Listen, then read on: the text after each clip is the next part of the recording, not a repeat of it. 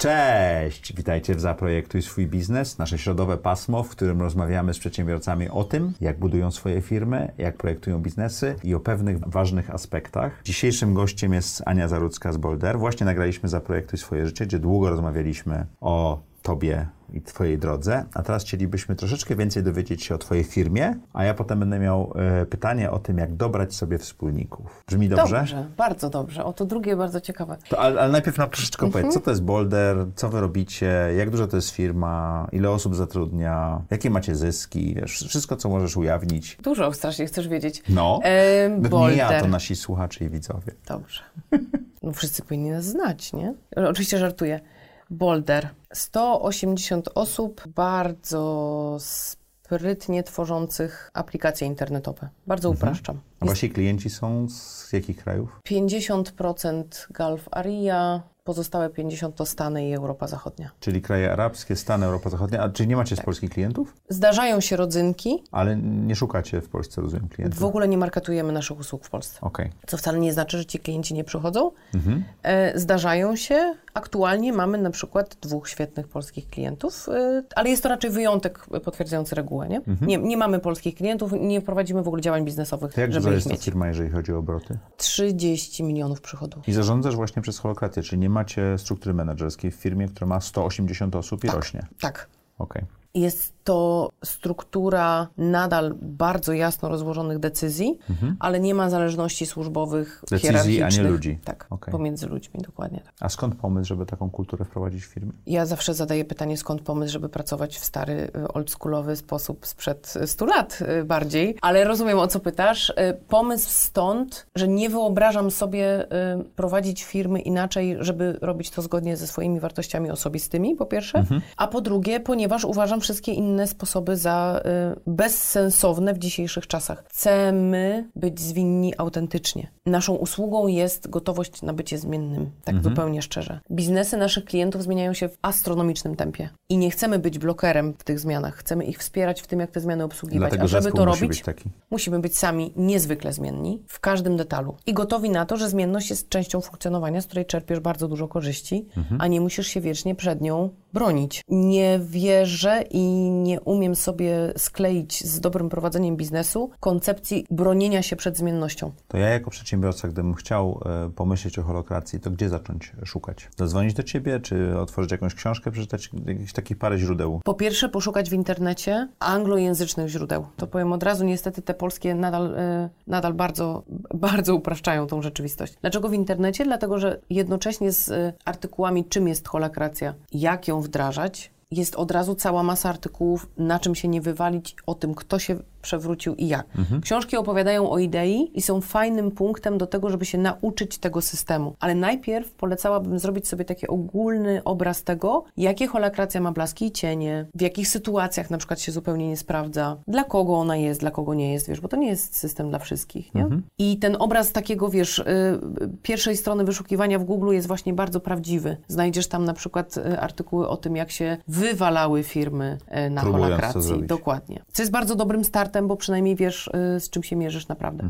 Em, Był taki jeden temat w wywiadzie do Zaprojektuj swoje życie, który poruszyliśmy, ale ja czuję niedosyt i chciałbym go rozwinąć tutaj. To jest o doborze wspólników. Dla przedsiębiorcy dobranie wspólnika jest jedną z najważniejszych decyzji, którą robi. Tak? Czasami bardzo krótkich, bo to nie wychodzi, a czasami bardzo długich, bo wychodzi i na całe życie jesteśmy. Co możesz mi o tym powiedzieć? Jak, jak do tego podejść? Myślę, że najważniejszym pytaniem, jakie trzeba sobie zadać i zadawać regularnie, to jest, czy w ogóle jesteś gotów i chcesz mieć wspólnika. Myślę, że bardzo dużo problemów wynika z tego, że wydaje nam się, że jesteśmy na to gotowi i potrafimy to zrobić, po czym się okazuje, że tak naprawdę chcemy sami prowadzić biznes. I to wcześniej czy później wyjdzie. Wypchniemy każdego z tego naszego y, systemu, kto, kto będzie nam przeszkadzał w tej samodzielnej drodze. Ale jak już rzeczywiście dochodzisz do momentu, w którym wiesz, że ten wspólnik z jakiegoś powodu jest Ci potrzebny, myślę, że są dwie takie najważniejsze kwestie, o które warto zadbać właściwie na początku i potem dbać o to, żeby walidować je na bieżąco.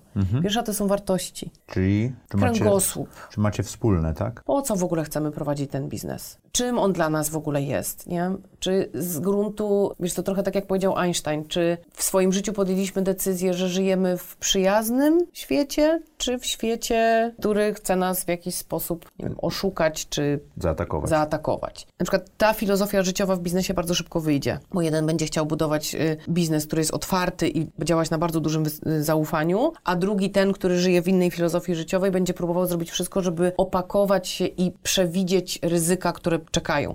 I to brzmi jak szybki, naprawdę szybki rozpad. A War- jak, a jak Mhm. do, dochodzisz do tego, tych wartości? Jak, szuk, jak, jak szukać u wspólnika wartości i zrozumieć, że są wspólne? Rozmawiając godzinami i Du, du, obserw- dużą ilością godzin. To nie są dwie godziny. Nie. Naprawdę dużą ilością godzin rozmawiając o różnych rzeczach, nie tylko o, o biznesie, wręcz nawet bym powiedziała, że o wszystkim innym niż o biznesie. E, I obserwując też siebie nawzajem, nie? E, jak, e, wiesz, to są takie e, bardzo duże detale od tego, jak rozmawia ze swoimi dzieciakami, żonami i rodzinami, przez to, jak traktuje pana kierowcę autobusu, którym jedzie, aż po to, jak opowiada ci swoją historię, nie wiem, stłuczki na ulicy i co z niej wyjął. Tam wszędzie jest, jest to. W gruncie rzeczy niczym się to nie różni od tego, jak spędzasz czas z przyjacielem w tym aspekcie. Czujesz, że coś gra albo nie gra. Czujesz chemię albo jej nie ma. Czyli pierwszy aspekt wyboru wspólnika to mieć wspólne wartości. Tak. I tak jak opisywałeś, że jak są rozbieżne, to w pewnym momencie zaczną, będzie asynchron, asynchron totalny, tak? I to zacznie wibrować i się rozpadać. A drugi aspekt? To, są, to jest cały zestaw umiejętności, cech, Kompetencji? kompetencji. To jest wszystko, co pięknie po angielsku się nazywa capabilities, a u nas nie ma odpowiednika tego słowa, czyli cały miks pozostałych rzeczy. Czyli to, co potrafimy. Tak. Tutaj, przynajmniej w moim przypadku, kompletnie nie sprawdzało się łączenie dwójki podobnych do siebie osób. Czyli wspólnicy powinni mieć podobne wartości, ale rozbieżne kompetencje, tak? Możliwie rozbieżne. Uzupełniające się tak naprawdę. Uzupełniające. Bo to one nie muszą być bardzo rozbieżne, ale te aspekty, w których czujesz, że naprawdę jesteś słaby, oczywiście to wymaga kroku wcześniej, czyli świadomości, w czym jesteś słaby. Tutaj od tego też bym zaczęła. Te aspekty fajnie by było, żeby wypełniała ta druga osoba. Albo po prostu zwyczajnie lubiąca robić inne rzeczy, jak jeszcze nie wiecie, czy umiecie. Bo jest dużo takich etapów zakładania ym, przedsiębiorstwa, w których tak naprawdę jeszcze nie znasz siebie, ani, ani też do końca nie znasz y, umiejętności drugiej strony, Ani nie wiesz, co jest potrzebne. ani nie wiesz, co jest potrzebne i tym bardziej nie umiesz ocenić, czy będzie potrzebne za 5 lat. I wtedy warto po prostu spojrzeć na to, co kto lubi. I bardzo, bardzo dużo y, fajnych rzeczy wychodzi z takiego patrzenia, nie? Czyli ty lubisz to, ja lubię tamto, to jest trochę inne, ty patrzysz na świat w ten sposób, ja w taki, zróbmy to razem, dopełniając się, nie? I to jest w sumie ciągłe poszukiwanie tego dopełniania się, bo my się zmieniamy jako ludzie, biznesy prowadzimy długo, to jest potem obserwacja, co się zmieniło, no a potem to już jest taniec. Całkowita choreografia, dużo improwizacji, ale też bardzo trzeba dbać o to, żebyśmy wiedzieli, jaki taniec tańczymy i czy ten sam. Czy jedno nie tańczy tanga, a drugie hip-hopu. Albo poloneza. O, jeszcze gorzej. Tak. I trzeba się w pewien sposób obserwować i dogadywać, biorąc pod uwagę zmienność życia codziennego, na przykład osobistego, kto w tej parze teraz prowadzi. Bo to też się zmienia, tak? Że te, szczególnie jeżeli mówimy o dekadzie robienia biznesu razem, to różne osoby są y, w różnych momentach tym, Tak. tym motorem napędowym spółki Tak. często, tak? I nawet jeśli jest jedna osoba odpowiedzialna za wizję, to akurat w naszym przypadku jest tak, że my, my tą wizją się też tak e, wymienialiśmy. Przeciągacie. I regularnie to się dzieje, tam powiedzmy 2-3 lata w tą stronę, potem ktoś inny to przejmuje. Ale nawet jeśli to jest jedna osoba, która jest wizyjna, e, bo też znam takie, e, takie przypadki, to fajnie by było cały czas e, zadawać sobie to pytanie,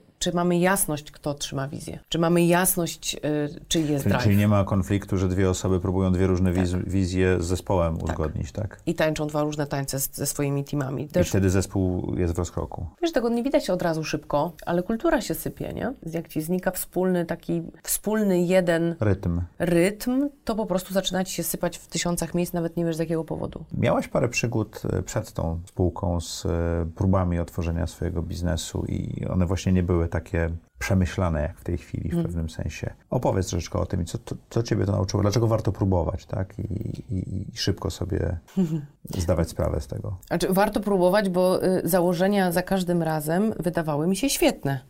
I jakbym pozostawiła to na sferze planów i wyobrażeń, to wszystkie te spółki byłyby cudowne. Dopiero pierwsze zrobienie ze sobą jakiejś rzeczy, im szybciej, tym lepiej, Rozpoczęcie biznesu. To nie- realnego kontaktu z klientem, z produktem, re realnego fizycznego w ogóle zrobienia rzeczy razem, pokazuje bardzo dużo y, realnych spraw. Tym samym no, nie jest to żadna nowość. Y, Lean Startup dość dobrze wszystkim znany Książka. i w ogóle podejście, iteracje, krótkie. Rób rzeczy z człowiekiem, z którym chcesz coś zrobić.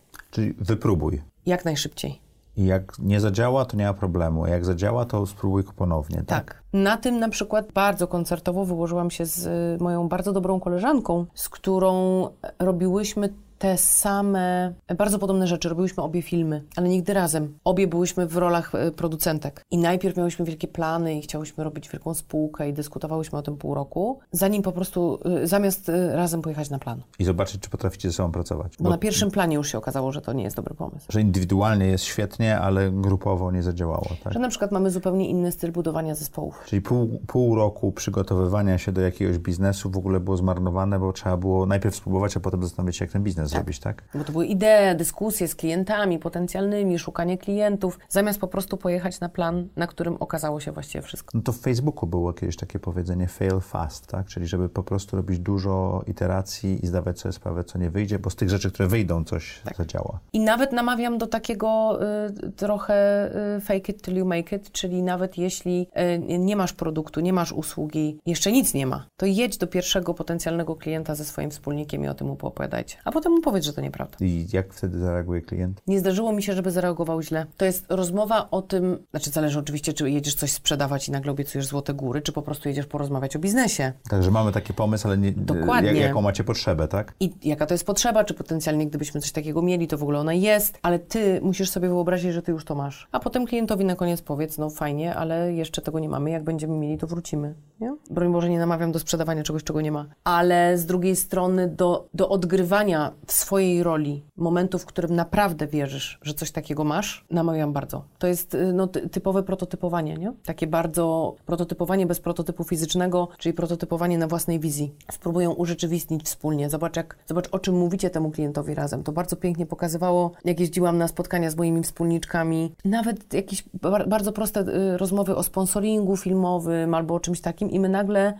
miałyśmy pierwszą okazję, albo drugą, albo trzecią, żeby spotkać się ze sobą w takim, w takim klimacie, w którym widzimy realnie, co my mamy do powiedzenia na temat swojego własnego biznesu. Bo wszystkie dyskusje między nami były bardzo czyste, po czym nagle siadał klient po drugiej stronie, czy nie wiem, I- i- potencjalny sponsor. I i prawda wychodzi, tak? Wszystko wychodzi. A z produktami, miałyśmy taki, taki fajny pomysł na, na produkt y, takich bardzo krótkich ujęć. Jeszcze wtedy nie było, wiecie, iStock foto, ani iStock wideo, ani tego typu rzeczy. E, na krótkie ujęcia, że będziemy jeździć do telewizji i sprzedawać takie różne krótkie ujęcia Które zamiast... potem oni mogą sobie montować, tak? I zamiast pojechać I to spróbować sprzedać? i spróbować to sprzedać, to znowu klasyk polski, załóżmy firmę, bo najważniejsza jest nazwa, no znasz NIP, to, logotyp, Regon, NIP, Regon wizytówki. i wtedy się wszystko zacznie. A to nieprawda? No nie. Bo można było pojechać bez firmy, tak? Można jechać bez firmy. Nikt nigdy nie zapytał o to, czy, czy wiesz, czy masz Regon i NIP na pierwszej rozmowie. No. To przy fakturowaniu dopiero się, czy przy umowie się odbywa. Ile takich prób i iteracji miałeś, zanim udało Ci trafić na wspólnika, z którym zrobiłeś biznes 30 milionów obrotu i całkiem dobrą zyskowność i rośnie 150% z tego, co pamiętam z poprzedniej rozmowy, tak? Ile takich prób musiałaś odbyć? Trzy. Czyli czwarta wyszła. Tak. Przy czym ta pierwsza to była taka w ogóle, to takie młodzieńcze próby. Ta pierwsza była próbą w ogóle zrobienia czegoś z kimś. Ja nie nazwałabym tego biznesem jeszcze. Projektu. To były projekty, takie pomysły, które... Ale to też Cię coś nauczyło, prawda? Oczywiście. I w ogóle moje sprawdzenie, czy ja umiem z kimś. Bo to jest bardzo ważny test. A jak nie umiem z kimś, a chcę być przedsiębiorcą, to raczej robić firmę samemu, prawda? Polecam. Polecam inne zależności niż bycie wspólnikiem, bo tych zależności w biznesie masz Mhm. do wyboru bardzo wiele. Możesz mieć radę nadzorczą, możesz mieć inwestorów, oni zupełnie z innej pozycji Możesz mieć funkcjonują. pracowników. A możesz mieć po Bardzo prostu dobrze tylko pracowników. ale pracowników. Tak. Dokładnie. I możesz mieć je sam. I, I znam też bardzo dużo takich osób, które bardzo świadomie sobie powiedziały, że tak tylko tak potrafią i to też jest Mhm. okej. Ja bardzo szybko wiedziałam, że y, nie jestem w stanie i nie chcę prowadzić firmy sama. Bo nie, jakby bardzo wielu rzeczy nie umiem, a powinnam umieć niby. Dziękuję Ci ślicznie. Słuchajcie, zakładajcie firmy, szukajcie wspólników albo nie, ale pamiętajcie, że tylko dwie rzeczy są Wam potrzebne: wspólne wartości i rozbieżne kompetencje. Powodzenia i do usłyszenia już w środę.